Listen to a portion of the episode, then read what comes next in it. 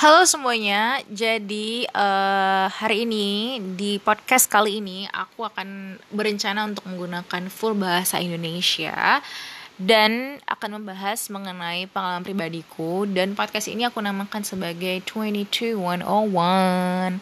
So basic, aduh kan baru cuma dimulai pakai bahasa Indonesia tapi sudah pakai bahasa Inggris. Oke, okay.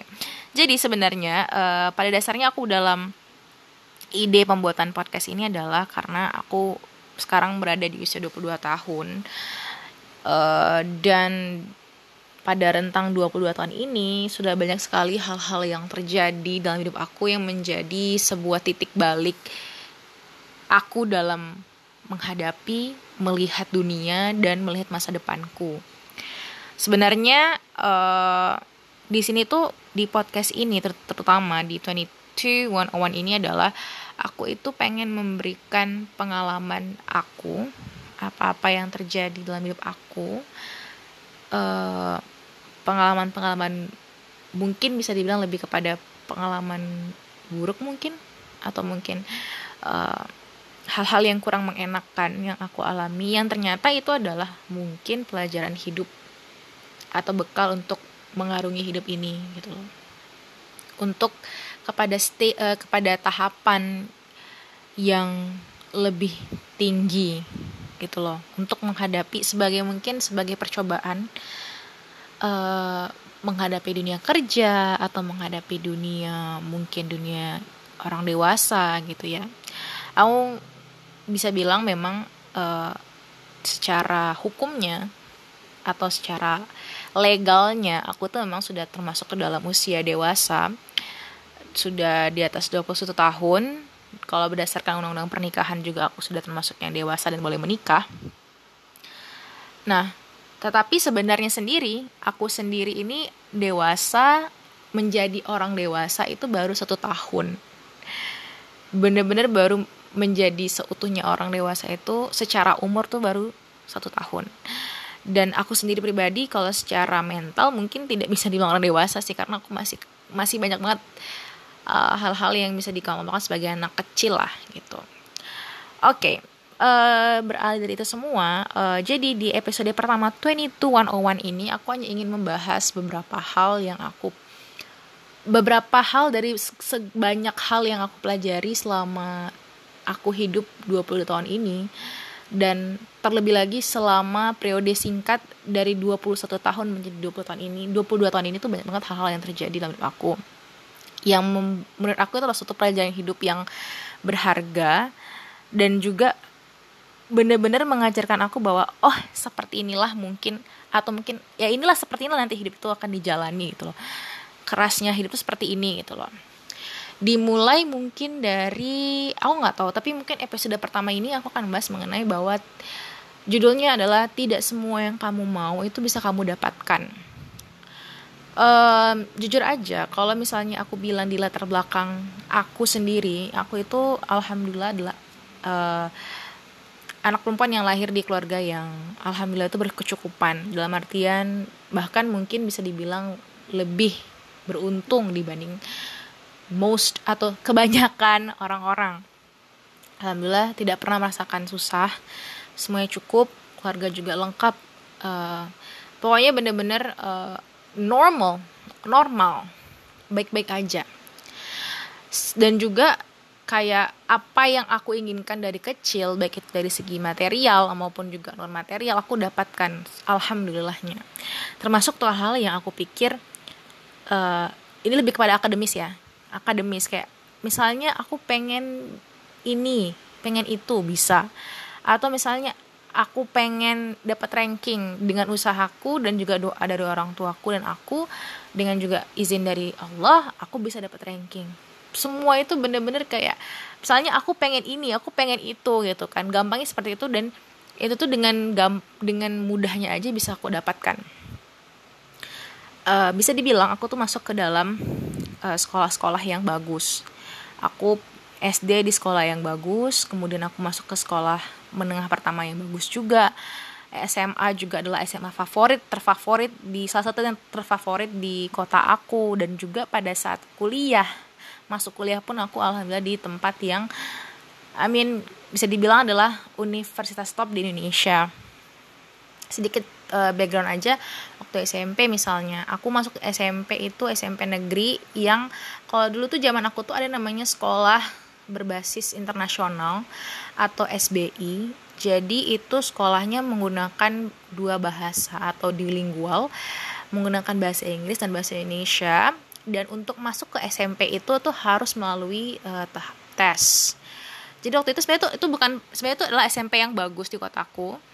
Tetapi ada lagi yang lebih bagus SMP negeri yang lebih bagus. Itu tempat kakakku dulu pergi sekolah tapi SMP-nya itu emang bukan sekolah SBI tapi memang dia tuh udah terkenal banget gitu loh. Kayak uh, orang-orang tuh taunya kalau SMP bagus tuh SMP itu dan SMP yang satunya lagi yang aku masuk ini. Pada awalnya aku tuh pengennya masuknya itu SMP yang bagus yang satu lagi yang tempat aku pergi. Tapi kemudian ketika ada tes untuk masuk sekolah SBI ini aku kayak disuruh orang tua aku coba aja dulu. Sekedar hanya ingin mencoba.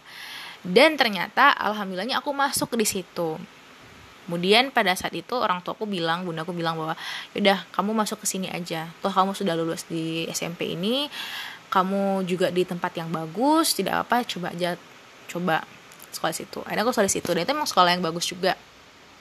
Ketika aku beranjak ke SMA aku sudah punya pendirianku sendiri bahwa aku ingin masuk ke sekolah yang SMA yang ini SMA negeri yang ini.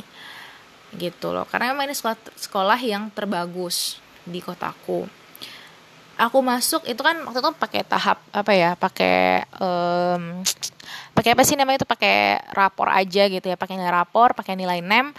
Dan ternyata alhamdulillah aku masuk gitu loh. Dan itu adalah jadi kan waktu itu pakai komputer ya jadi ada pilihan pertama dua tiga. Jadi aku pilihan pertamanya adalah SMA yang aku pengen yang yang aku pengen tadi yang terbagus tadi. Dan ternyata langsung masuk gitu loh bener-bener sesmooth itu gitu loh guys. Aku nggak pernah yang bener-bener merasakan struggling untuk masuk ke sekolah yang bagus tuh kayak aku mesti sana cari pokoknya alhamdulillah tuh orang tuaku tuh bener-bener kayak ya udah kamu daftar ya udah alhamdulillah kamu masuk gitu. Nggak pernah yang bener-bener struggling cari sana cari sini mencoba mencari bantuan sana dan sini gitu loh. Dan ketika kuliah pun alhamdulillah itu bener-bener kayak alhamdulillah itu aku tuh hal yang sangat-sangat kalau dipikir-pikir lagi tuh kayak wow Allah tuh ternyata sesayang itu sama aku gitu loh. Karena aku masuk ke universitas yang bagus banget. Dan aku tahu itu susah. Kan aku masuk SM uh, eh, dari masuk kuliah itu kan masih dengan sistem ada undangan gitu kan. Namanya tuh kalau di zaman aku tuh SNMPTN tapi kayaknya kalau zaman sekarang tuh nggak ada ya SNMPTN atau mungkin beda lagi mungkin sebutannya. I don't know.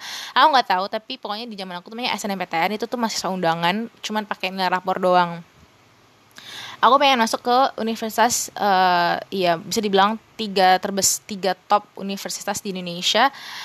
Uh, dan aku pengennya tuh masuk ke fakultas H gitu ya.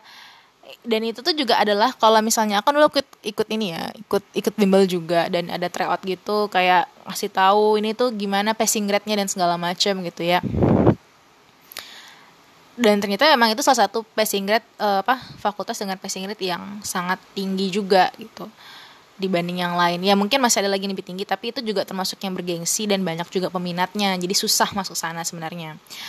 Dan ternyata alhamdulillah itu semuanya itu Allah kasih gitu loh. Kayak aku tuh dapet aku aku pilihan pertama waktu nyerahin rapor SNMPTN itu aku pertama adalah universitas itu dan dengan jurusan itu gitu loh. Dan alhamdulillah tuh aku bener-bener dapet guys bayangin.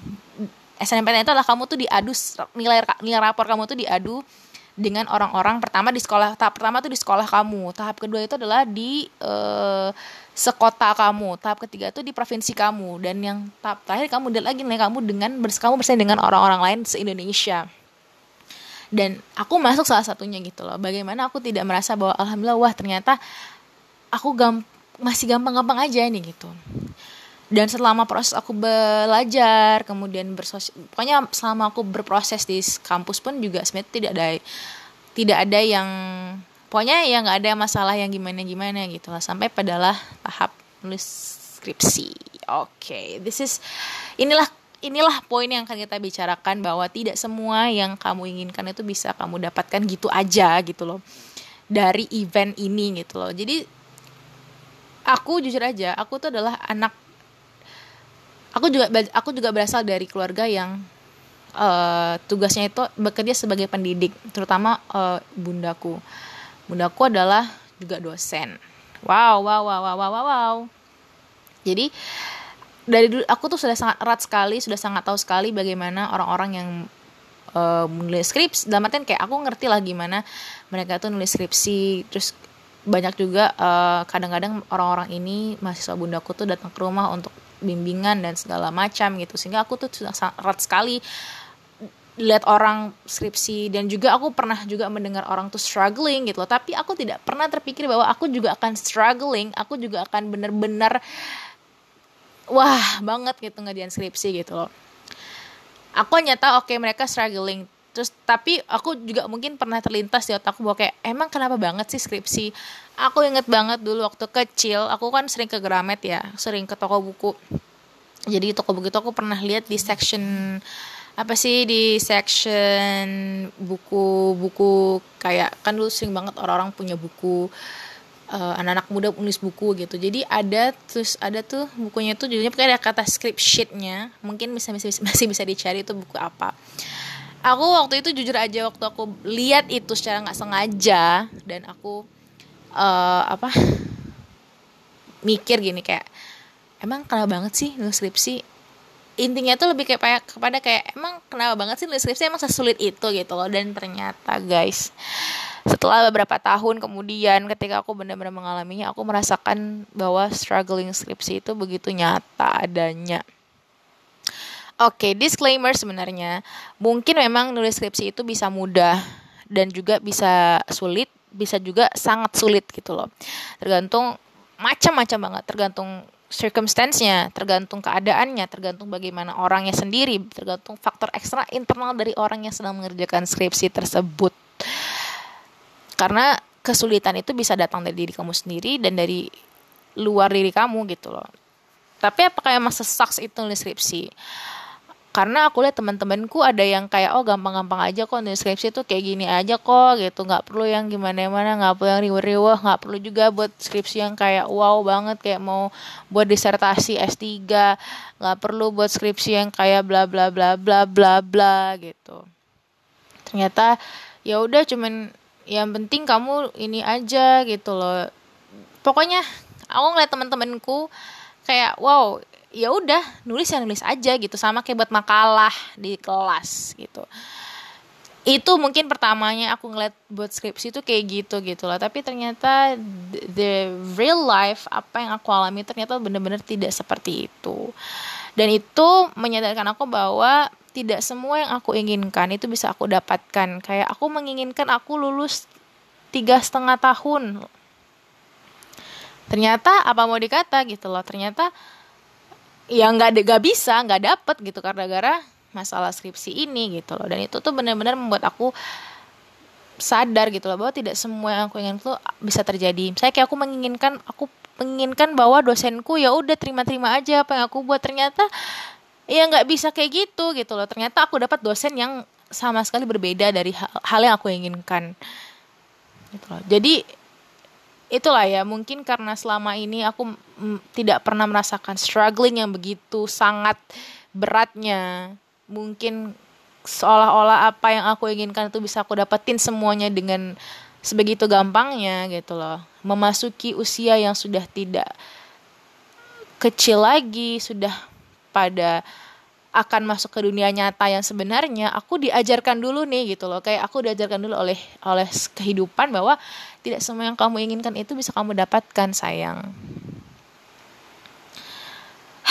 Oke okay, jadi mungkin konklusinya adalah uh, itu tadi gitu loh bahwa ya kehidupan ini memang ya tidak bisa mengakomodasi apa pun yang kamu inginkan 100% gitu loh. Unless memang kamu mungkin berdoa pada Tuhan dengan berdoa pada Allah dengan sungguh-sungguh meminta perlindungan dan hal-hal yang baik gitu loh. Tapi memang kadang pun ketika kamu sudah berusaha sekalipun ternyata memang kata Allah atau kata ya kata Allah belum ya belum gitu loh. Karena memang pada intinya kehidupan itu mengajarkan bahwa tidak semua yang kamu inginkan itu bisa terwujud gitu loh. Jadi uh, hanya itu saja untuk episode pertama dari 22101 uh, mudah-mudahan siapa pun yang mendengarkan podcast ini I don't know aku nggak nggak tahu tapi yang jelas podcastku ini banyak banget orang-orang dari Amerika sana. Uh, major majoritinya presentase terbesarnya itu adalah orang Amerika baru orang Indonesia. Selanjutnya itu banyak banget kayak ada Australia ada Kenya ada Myanmar ada Jepang. Ah aku nggak ngerti nggak paham cuman kalau misalnya mereka memang mendengarkan podcast ini dan mereka nggak ngerti I'm so sorry. Tapi kalau misalnya adalah orang Indonesia satu dua orang yang dengar podcast ini aku hanya berpesan apalagi untuk kamu yang mungkin baru menginjak usia setelah kuliah fresh grad gitu ya. Usia 20, 21, 22, early 20s ya memang pada saat-saat inilah kamu benar-benar diajarkan mengenai kehidupan yang sesungguhnya gitu loh. Dan aku di rentang dari usia 21 22 ini tuh aku bener-bener udah banyak banget yang aku ambil yang sekiranya secara teoritis tuh ini loh gitu loh. Untuk aku tuh paham kalau ternyata di dunia itu kayak gini gitu cara kerjanya. Dan salah satu cara kerjanya pada hari ini yang kita bahas adalah bahwa tidak semua yang kamu inginkan itu bisa kamu dapatkan. And that's how lives works gitu loh. Gitulah cara dunia itu bekerja gitulah cara kehidupan itu bekerja. Tetap semangat teman-teman. Apa pun yang sedang kamu lalui apa pun yang sedang kamu hadapi semoga bisa uh, kamu lalui dengan baik-baik saja. Jangan lupa tetap berdoa sama Allah sama Tuhan kamu sesuai agama kamu dan kepercayaan kamu.